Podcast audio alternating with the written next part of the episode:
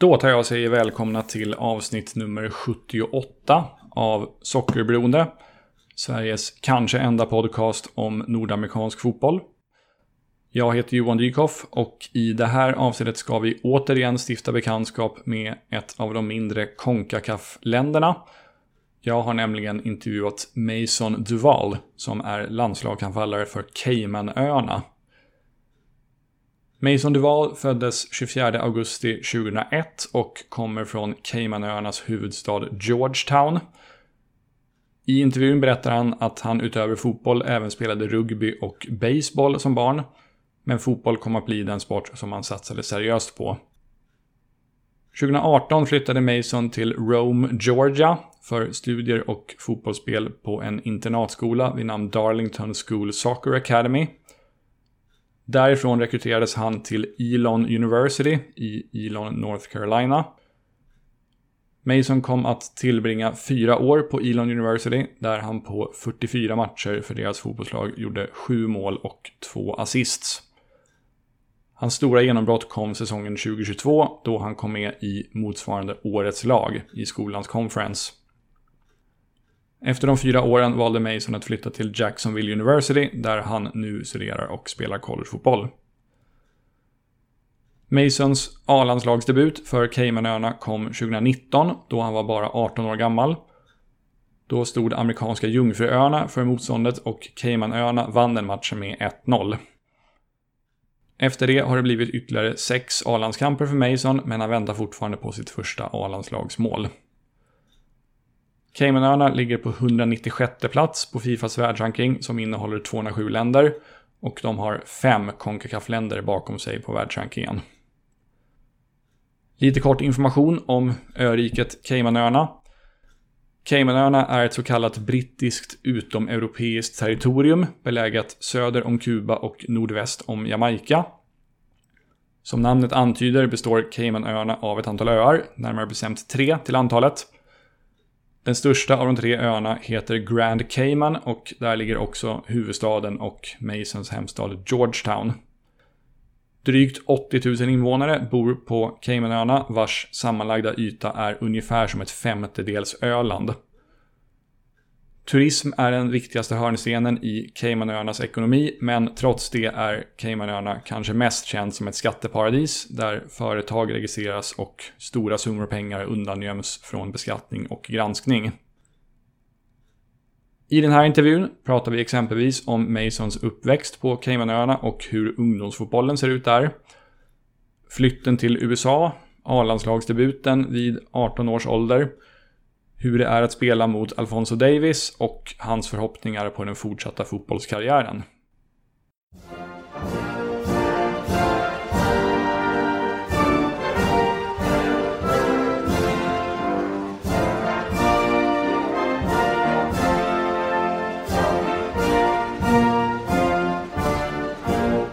to start off, can you just talk a bit about your childhood and what role sports and soccer in particular played in your life as a kid? Yeah, I mean, growing up, um, I wasn't big into soccer. I was a really big uh, rugby guy.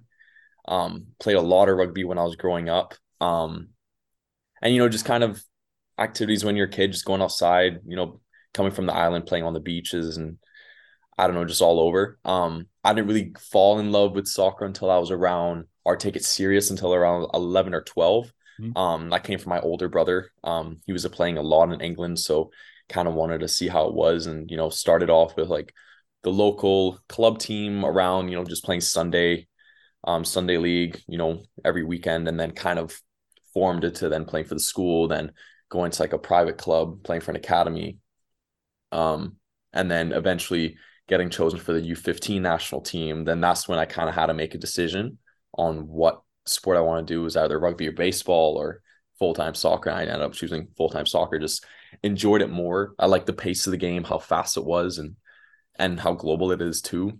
Mm. It's pretty cool. Um, but yeah, and then from there, um, just just took it really serious. Just was doing a lot of traveling for like you know my academy, academy sports club back home. Um, we did um some tournaments in the U.S. Um, in Minnesota, um, Orlando, um, and then that's when I was seeing other options of how, you know, I could keep playing soccer, you know, back home once you get to grade I would say 9 or 10, that's when you either a lot of people start choosing education mm-hmm. and you know going off to Europe for school or the US and I was kind of like no I want to keep playing soccer like I like I love this so that's when I found like there's an opportunity to like kind of do that and get your education mm. um so then I went to boarding school for 2 years in um Rome Georgia at Darlington School so I was at that academy for around 2 years um and from there we did a lot of college showcases going all over the states um, every single weekend, just playing as much football as we could. That was really fun. And then obviously um, going to the big showcases and getting a lot of um, college scouts there, getting noticed. Then that's when I realized that there was a possibility that I could then further my education in college and, you know, helping myself get into a good school, you know, getting a scholarship to then go forward and from there committed to Elon. Right. Played four years there, um, enjoyed every single minute of it, and then that's when I met Coach Ali. Um, he was there for two years. He he was assistant coach there for two years, my junior and senior year. And with COVID, I got an extra year of eligibility. And with that, he knew I was in the portal, and I had no idea he was gonna um, leave Elon or take a head coach job somewhere else. And once I saw he was coming to Jacksonville, it was kind of like a no brainer. So yeah.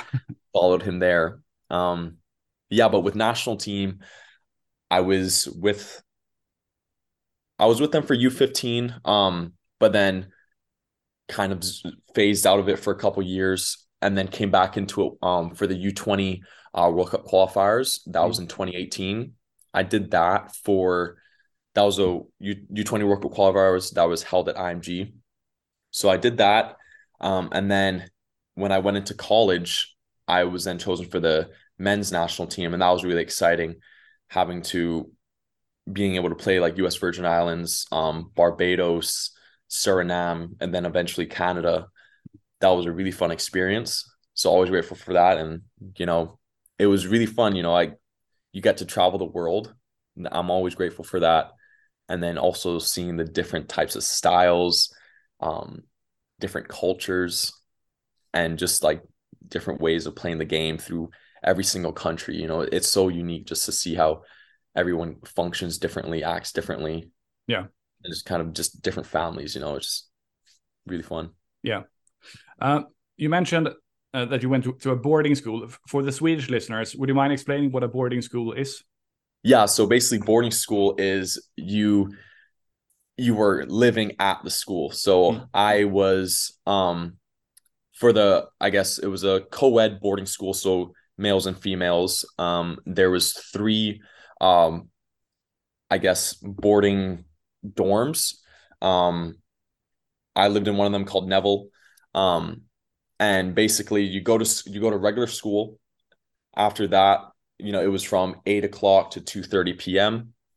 After that, you would then go to training. Training would start around three three thirty, and it would go from three thirty to five thirty and basically the boarding school's here and training is a five minute walk everything's on campus you got the gym on campus you got the training fields on campus game fields on campus um yeah it, i was i was very going to it you know i was kind of scared is very different you know i don't have a boarding school back home mm. um it's kind of a very i mean i they have it in england and stuff too but i feel like boarding school is very american mm. um so when I came here, you know, having to do everything at school, you know, doing your laundry, eating at school, sleeping at school, it was just kind of a different mindset, different way of living. But I got used to it pretty quick.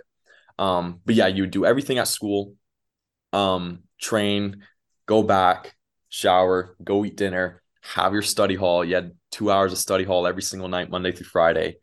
And then after that, you just make friends at school and yeah, just you live and breathe at school and yeah. it was it was a really good env- environment I, I must say because it was the closest thing at the time that someone can get to a professional level without being professional mm. so that's why i really valued it because you don't have many distractions you literally wake up eat school train do extra training if you want eat study school it's repeat so mm. Um, that I really like that because you know obviously I was getting my education at the same time. I didn't have to give up one or the other. I could have both. So I I really valued that. Yeah. Um, and you were born and raised in Georgetown, is that correct? The capital of the Cayman Islands. Yes, Georgetown. Yes. Yeah.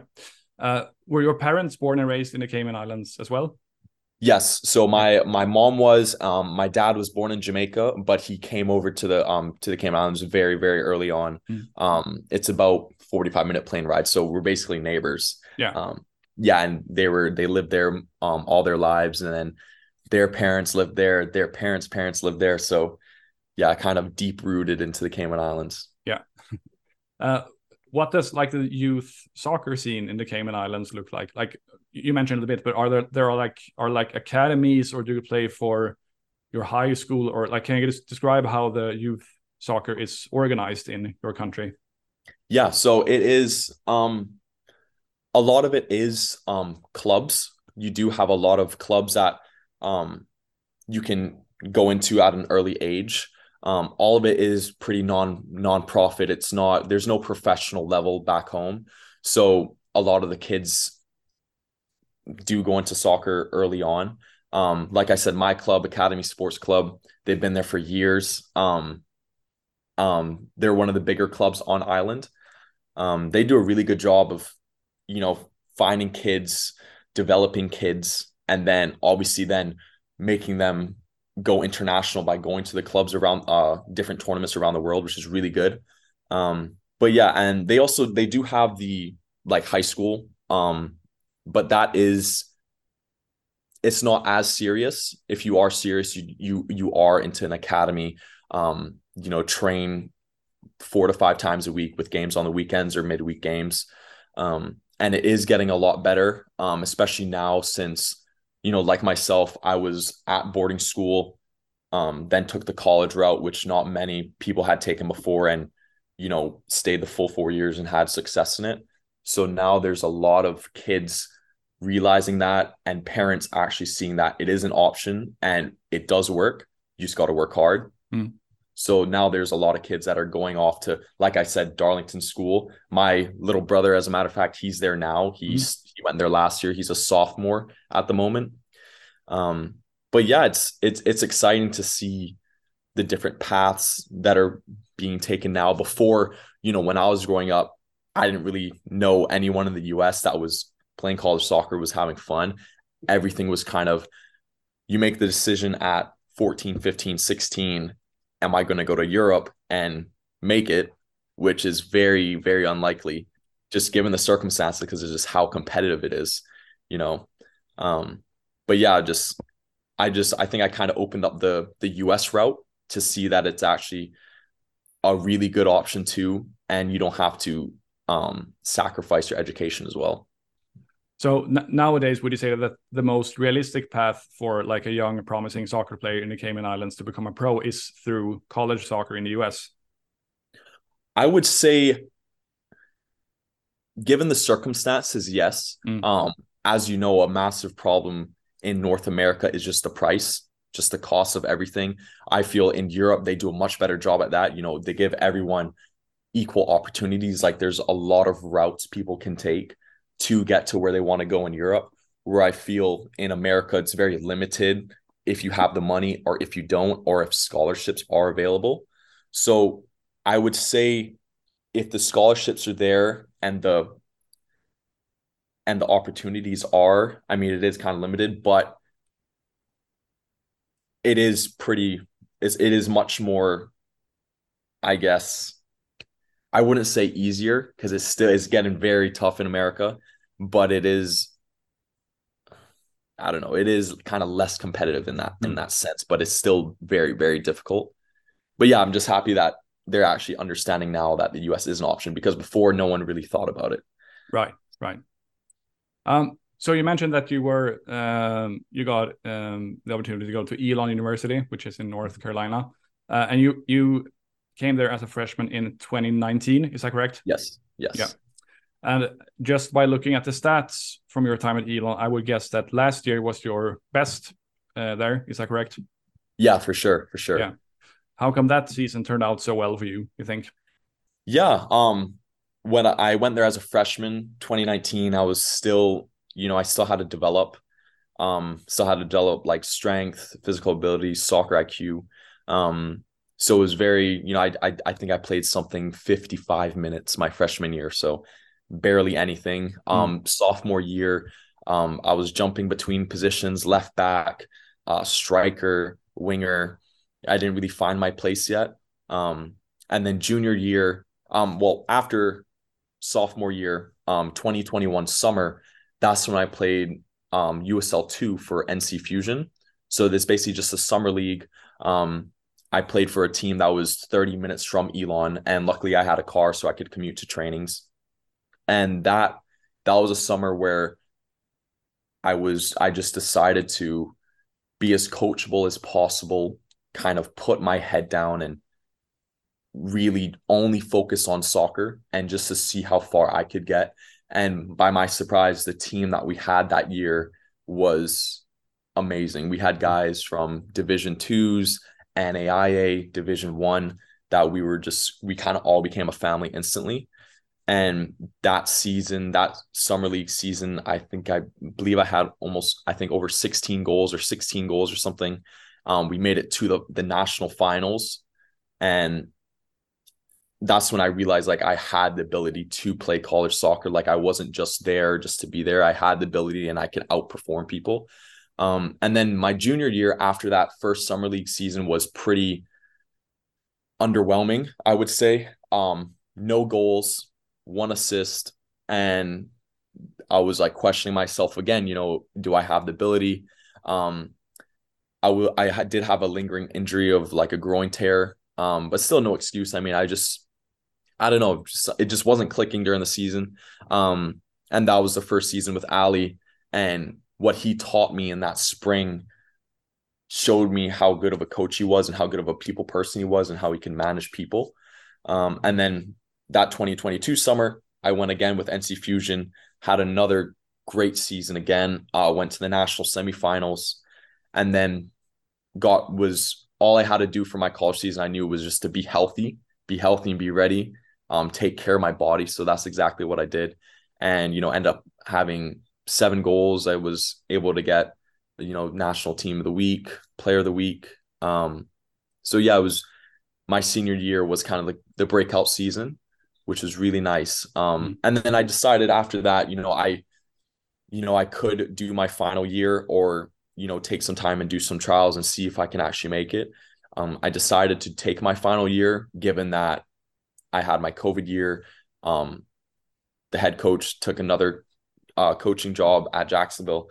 So I kind of decided to, you know, just go for it one last time and set myself up for the yeah. future. Yeah. But you were in fact eligible for the MLS Super Draft earlier this year. Like, did that affect your plans and your decision making for the future in any way? No, I mean, I I was very surprised that I was selected to be eligible. I didn't I don't I didn't really know how that process worked. I mm. think the scouts kind of seeing them put your name in a pool of players. Um, but yeah, that that wasn't really um it was added plus. I was like, oh, that's pretty cool. But you know, I did have my eyes set on playing my last year just to see, you know, also get my master's. That's what I wanted to do. That's what I wanted to do for my parents is to get as high as education I can, help soccer pay for that. And, you know, then try football afterwards. I kind of I wanted to have a net, you know, just to not just do football. I wanted if, you know, if all that fails and to have a net that I could use for later on in my life. Right. What is your major, by the way? Yeah, my master's. So I'm doing my master's in uh, applied business analytics. Okay. And at Elon, I did my undergrad in project management and finance. So yeah, I just kind of kind of get a feeling for everything. Yeah, I see. I studied finance uh, myself, so you're you're a numbers guy, just like me. Then. yeah, yeah, yeah. Numbers guy. I, I like the details. Yeah. um. So how have how would you summarize your time at uh, Jacksonville so far? Yeah, I've loved it. Um, I'm off campus, um, five minutes from the beach, so it doesn't get much better than that. Mm. Um, we have a really great group of guys. Um, pretty young team. So I'm excited to see how the team's going to build once, you know, some of the um, graduates leave, some of the seniors leave. it is pretty exciting, you know, and we've had, you know, we've had our ups and downs this season, but the way the group is is pretty is very tight knit, and it's something that I like to see, um, especially coming into these last final games of the season. Um, all you need is just to have a group that's together, willing to fight for each other, and you know you can go a pretty long way. So mm. it's really exciting. Yeah, um, and and you have, I think you've had like three goals so far. Uh, this yeah, season. so far. Yeah, so are you, far. Are you happy with your stats so far this season? Um, no, never mm. satisfied. Um, I should definitely have more. Um, that's on my part, you know, but we've been getting the results that we needed to get. Um, had some results that we we didn't step up to. Um, but as a team, we understand that, and we you know we, we're we're planning on how to bounce back from those. Um, so yeah, um, yeah, the stats aren't there for me, but right now, you know, I, I don't really focus on that. It's just an added plus. Mm. Just always want the team to be in the best possible place as they can um, to get the wins and to just go as far as they can to get like that extra game out of the season and just to keep going, win conference, win the playoffs, get into NCAA tournament. So, yeah, it's all about the team. Yeah, I see. Um, as as someone who has played in uh, at two different schools um, and thereby also playing, I, I, I guess you play in another conference now as well compared mm-hmm. to Yeah, would you say that are there like big differences between how uh, different college team, teams play, like tactically and so on? Yeah, I mean, you obviously know um, a lot of college teams and college soccer in general is just physical, fast paced. Mm. You know, you have the unlimited subs. You can just go basically the same speed as you did the first five minutes of the game for the whole 90 minutes, which in other leagues you can't do. I mean, you get tired you all you say is can i get a sub? You rest for five minutes and then you go again. So it, it's pretty interesting. Um but i would say the the differences in different teams. Like you know you have the top 10 teams. Um every everyone can battle physically speed wise i guess it's just those final moments of how um other teams can be clinical. Mm. i think that's what makes a difference. But it's it's pretty is pretty close all, all the teams when when you go to face you know if you could be the top five team in the nation but you know if you're not on your a game going to another team that's low ranked they could beat you any day. Mm. so it just depends you know you always got to be focused. You got to be you can never underestimate your opponents especially in college soccer. Right right. Um moving on to your national team career uh, you mentioned that you'd play for um, various youth national teams before before making your full national team debut. And if my research is correct, you made your debut for the full national team at 18 years of age back in yes 2019. Is that correct? Yeah. Yes. How do you remember that game when you made your national team debut? Yeah, if I remember correctly, that was I want to say it was against the Virgin Islands. Yeah, that was the um, the summer leading up to Elon, my freshman year. So I was really excited, just the whole, you know, making my debut and then having to go off to North Carolina and like start another another career there. So I I just remember in that moment, you know, it was kind of surreal. Um, I didn't expect to be playing this for the national team that early. Um, and then having the game that I had and you know being under that coach coach Ben he was he was very you know, he he turned around the program. You know, we ended up getting wins. Um, we didn't have wins 10 years prior to that. You know, we were winning against Barbados, Virgin Islands, everyone. So it was pretty surreal as well. Um, but yeah, I remember that moment. It was it was a really good moment for myself, but also my family. I could see my mom, my dad, all my you know my cousins, friends just in the stands cheering me on so it, it was a really good moment and something I'll cherish for a long time. Mm. Uh, are there any full team, uh, full time professionals in the Cayman Islands national team today? As of right now, I don't, but no, there's no full time professionals. Um, you know, we've had a few guys that were in England, um, you know, a few that were in Romania. Um, there is a lot more coming into college soccer now, which I'm really happy about, especially mm-hmm. Division One. Um, you know, one of the guys, um, some of the guys at Manhattan College, Tulsa, Fairleigh Dickinson, all over the place. So it's just it's really exciting. And there's also another group of kids that, you know, obviously just went off to boarding school. So, you know, in a few years' time, it's just going to be more and more kids just going into that division one area and just college area. So I could definitely see within the next five years the level of the national team just dramatically increasing. Mm. So, who would you say are the most um, outstanding players for the Cayman Islands today? Right now, I mean, there's a we we got a lot of young guys, hmm. um, mm. a lot of young guys with a lot of potential. So it's really hard to say that because you know I see them on the field and I'm like, okay, if you give this kid three or four years, he's definitely going to be in the starting lineup if he stays on track, obviously. Um, and we got a lot of guys that are just a lot of the older guys too that are, you know, they have the same vision. A lot of them want the great success for the island, so they're coaching the younger kids, um, trying to tell them how they can improve their game, and especially, you know, having international experience is pretty hard to get, especially coming from the islands. You're not playing often mm-hmm. and you also don't train often. You know, a lot of the guys, um, if they do live in the Cayman Islands full time, they have work. You really only train around two times a week, and when it comes to like the games, three to four times a week because it's just it's really difficult. Mm. Um, but yeah, I mean, just the way the the national team is right now, I I'm really excited for the near future, uh, especially with the the Gold Cup games coming up, World Cup qualifiers, Nations League, CONCACAF Nations League. So yeah, I'm I'm excited. I'm yeah. excited. Uh, do you rate yourself as one of the best players from your country today? It, it's hard. I, I, I, I, when people ask that question, I'm just like, that's not up to me. You know, that's up to, you know, the federation, the manager, and just the players. Um, but I always, anytime I play, I just one thing I focus about is the team, and just giving 110. percent You know, mm. I just work hard, do my best and just get the results that the country needs. Yeah.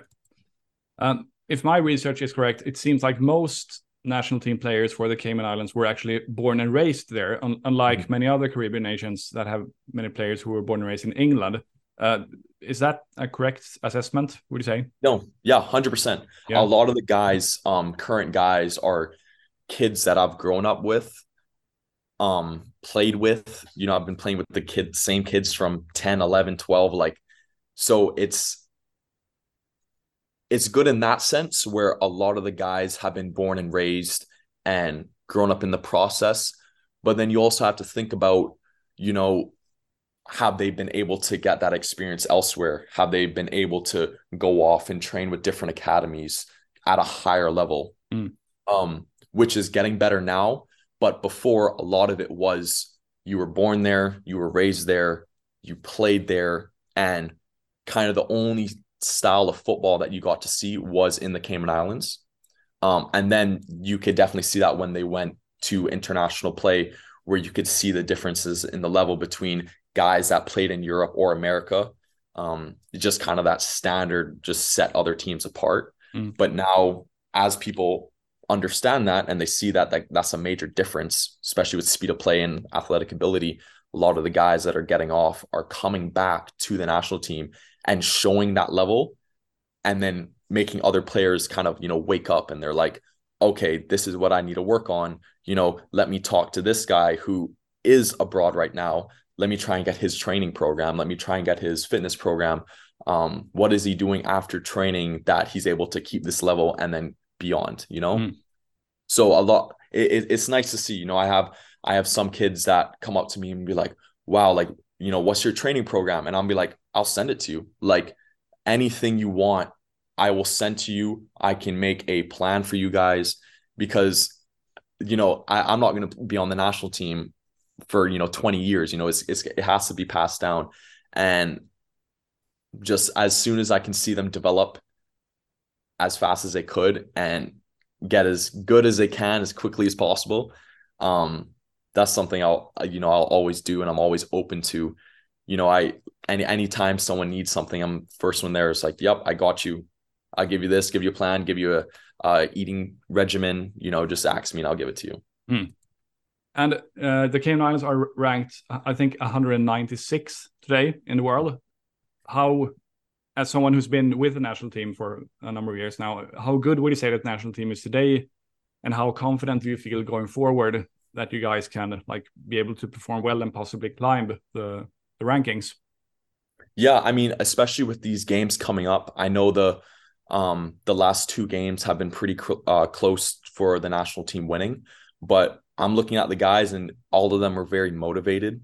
Um, they have the the best. They're putting their best foot forward. They have the best in mind for the national team. So I can see ourselves definitely rising in the rankings. It's just a matter of you know, like I said, staying connected, um, working together, and then just pushing for the same goal. Mm. Um, right now, we have a really good leadership team on the national team, um, and there's a lot of a lot of background work going on too f- for the benefit of the players. Um, a lot of support um, from the internal staff of the organize- organization is coming about now, which you know wasn't really there before. It was kind of you know player a lot of the players had to defend for themselves. So went now getting the support from the organization and outside staff, you know, it's is is helping a lot. Mm. Um, so I'm really excited to see what's going to be going on in the next few years and you know rising yeah in those rankings yeah you've got a portuguese head coach is that correct? Yes. Uh, claudio garcia uh, what what is he like? He's uh he's energetic. He's mm-hmm. i don't know he's claudio. Uh he's a really funny guy um always a character um but he's super panish, uh, passionate. Like my god he will he he's someone that he will demand um demand the best out of you. Um, he doesn't he he he does not like you know when you when you don't give your um 100% you know and that's something that i really admire um especially you know especially from the kids that are there now the younger kids. Um i feel when he when you demand more as a coach from your players you will get more you know it's i feel like the there's a lot of coaches that do a lot of sugarcoating that you know they don't really they kind of beat around the bush. They don't they don't tell you facts. And he's a he's a coach that tells you facts um how you can get better too. And he gives a and all the criticism he gives is constructive criticism. Mm. everything mm-hmm. is just to try and get you better as a player and to benefit the national team as a whole. So yeah he he he's someone that is passionate about the country. Um he's been there since i was um he was there in 2019 when I made my debut. He was uh, acting as, as an assistant coach then, so he's been around the program. He he knows a lot of the players, um, especially a lot of the youth coming up. He he works really closely with the U15s.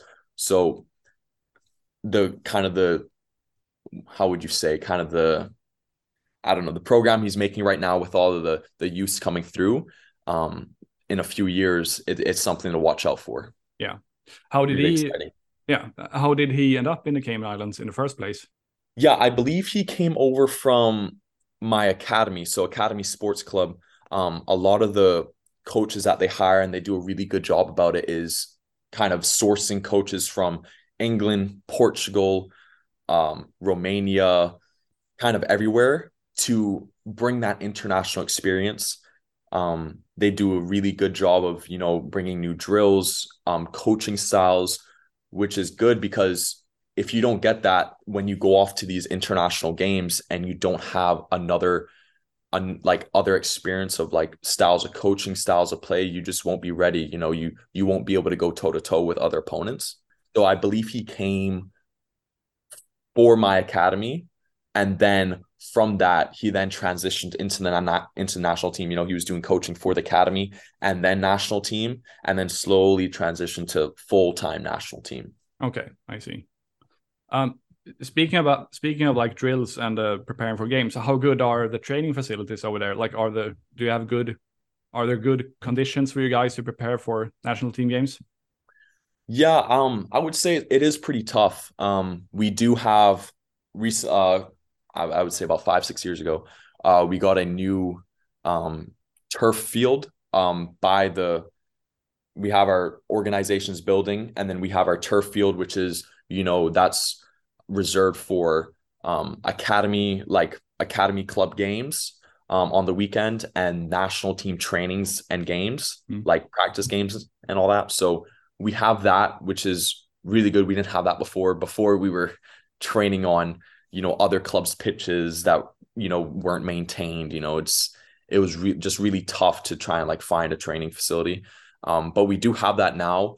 Um, we do, you know, we we still lack, you know, um, facilities for you know gyms and you know meals and you know that type of stuff. But, it, it comes with being such a small island. I mean, you just you, we don't really have it like that compared to other other big national teams. But we do we do the best of what we can make out of it. You know, we have um, strength and conditioning coaches that do really really well with what we have, um, doing speed work, strength work, um, kind of mixing in all into football.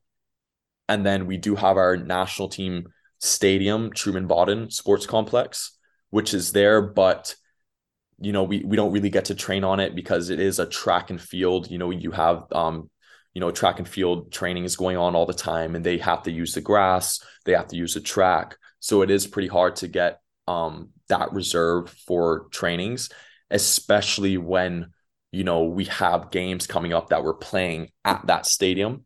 So you know it is difficult. You know, you're training on turf for six months, and then all of a sudden, a week before, you're training on grass, trying to, you know, be prepared. And you know, in that sense, you don't really get like a at home advantage because you're not used to the um to the style of play, like you know how the gra- how the ball rolls on the grass. So it it is it is tough in that aspect, but hopefully it gets better in the future of how they're expanding the the facility where the turf is. They're supposed to be building um, about two more uh, football um, soccer fields and then possibly adding a gym on the side. So, you know, I don't know if that'll be done in my time or if that'll be done while I'm still playing, but we'll see. Okay. Um, which is the best team you've played against with the national team, and who is the best player you've played against?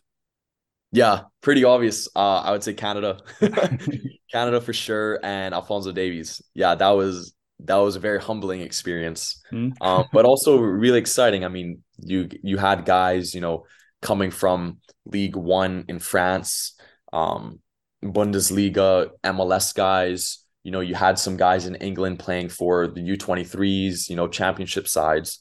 So when we played them, I was like, wow, like this is a whole this is like the level you know um yeah it was really exciting you know going toe to toe with davies you know him sprinting at you full speed is pretty crazy and then when you're trying to sprint with him at full speed and he's just going beyond you is is you know it, it is very humbling I, I can imagine. I actually had in one of the first episodes of this podcast, I had uh, a Swedish mid- midfielder on who played for the Colorado Rapids for a couple of years. And uh, when I asked him like who who was the most difficult player you played against in MLS, he mentioned Alphonso Davies because he uh, this Swedish guy he pl- he played right wing in that game, and Al- Alphonso Davies was obviously the left left winger or perhaps even left back.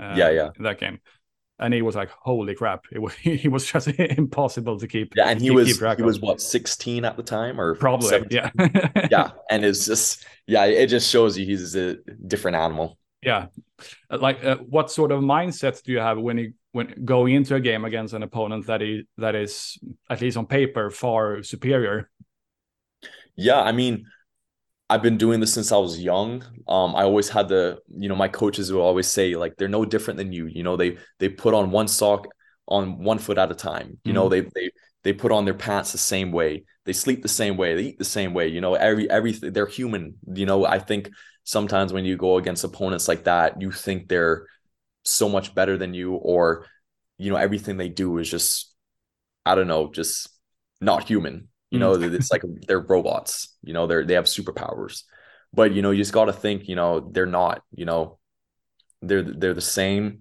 You got all all it is. You just got to have the same, uh, have more fight. You just got to fight for everything. Mm. Um, and you never know. You just gotta.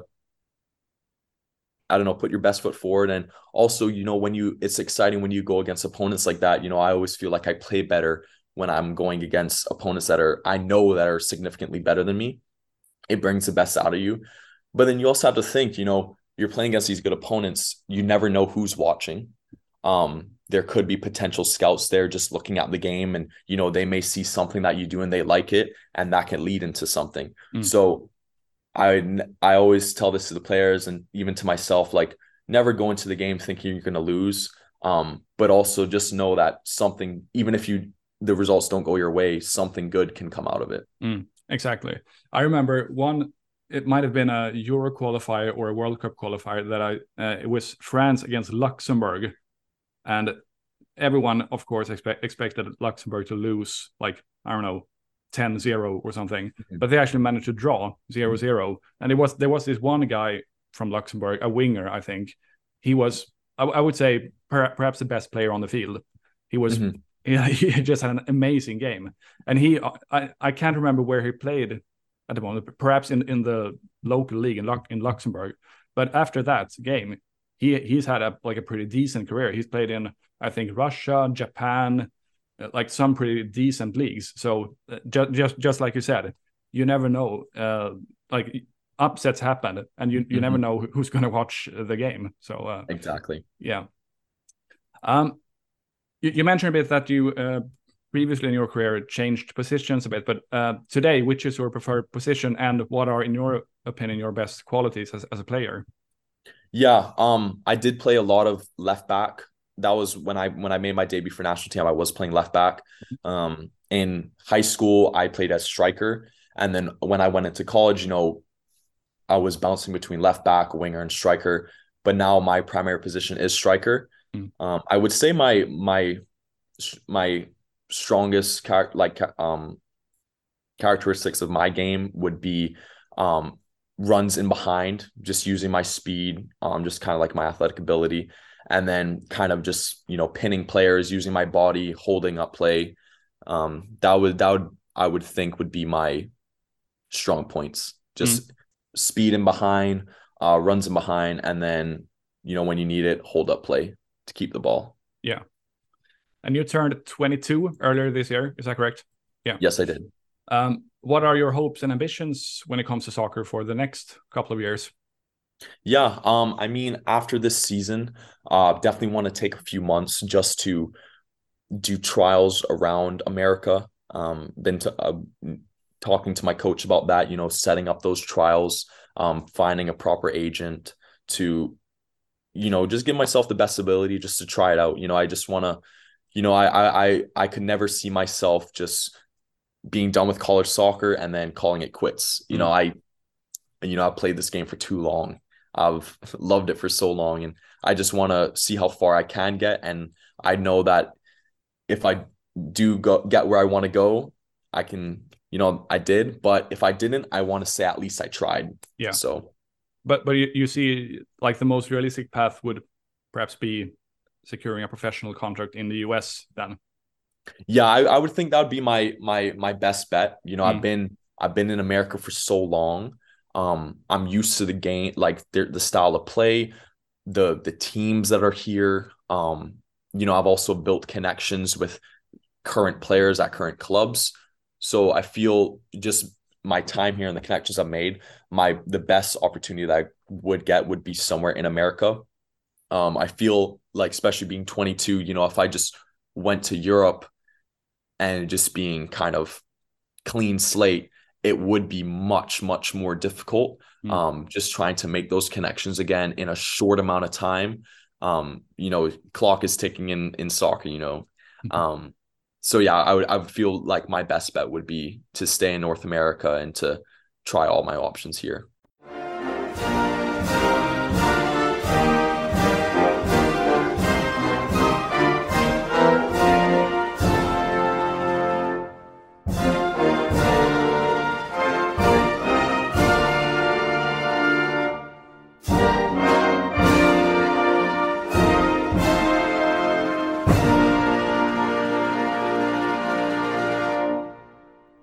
Sådär ja, då tar vi och tackar Mason Duval för att han tog sig tid att ställa upp på den här intervjun och vi önskar honom allt gott framöver. Jättetrevlig kille måste jag säga och eh, intressant att få lära sig mer om fotbollen på ett sånt, ska man säga, udda ställe som Caymanöarna. Eh, det lär komma fler avsnitt av den här typen där jag intervjuar landslagsmän för små Concacaf-nationer. Tack för att ni har lyssnat på det här avsnittet. Ta hand om er så hörs vi igen i kommande avsnitt av Sockerberoende. Ha det så bra. Tja tja!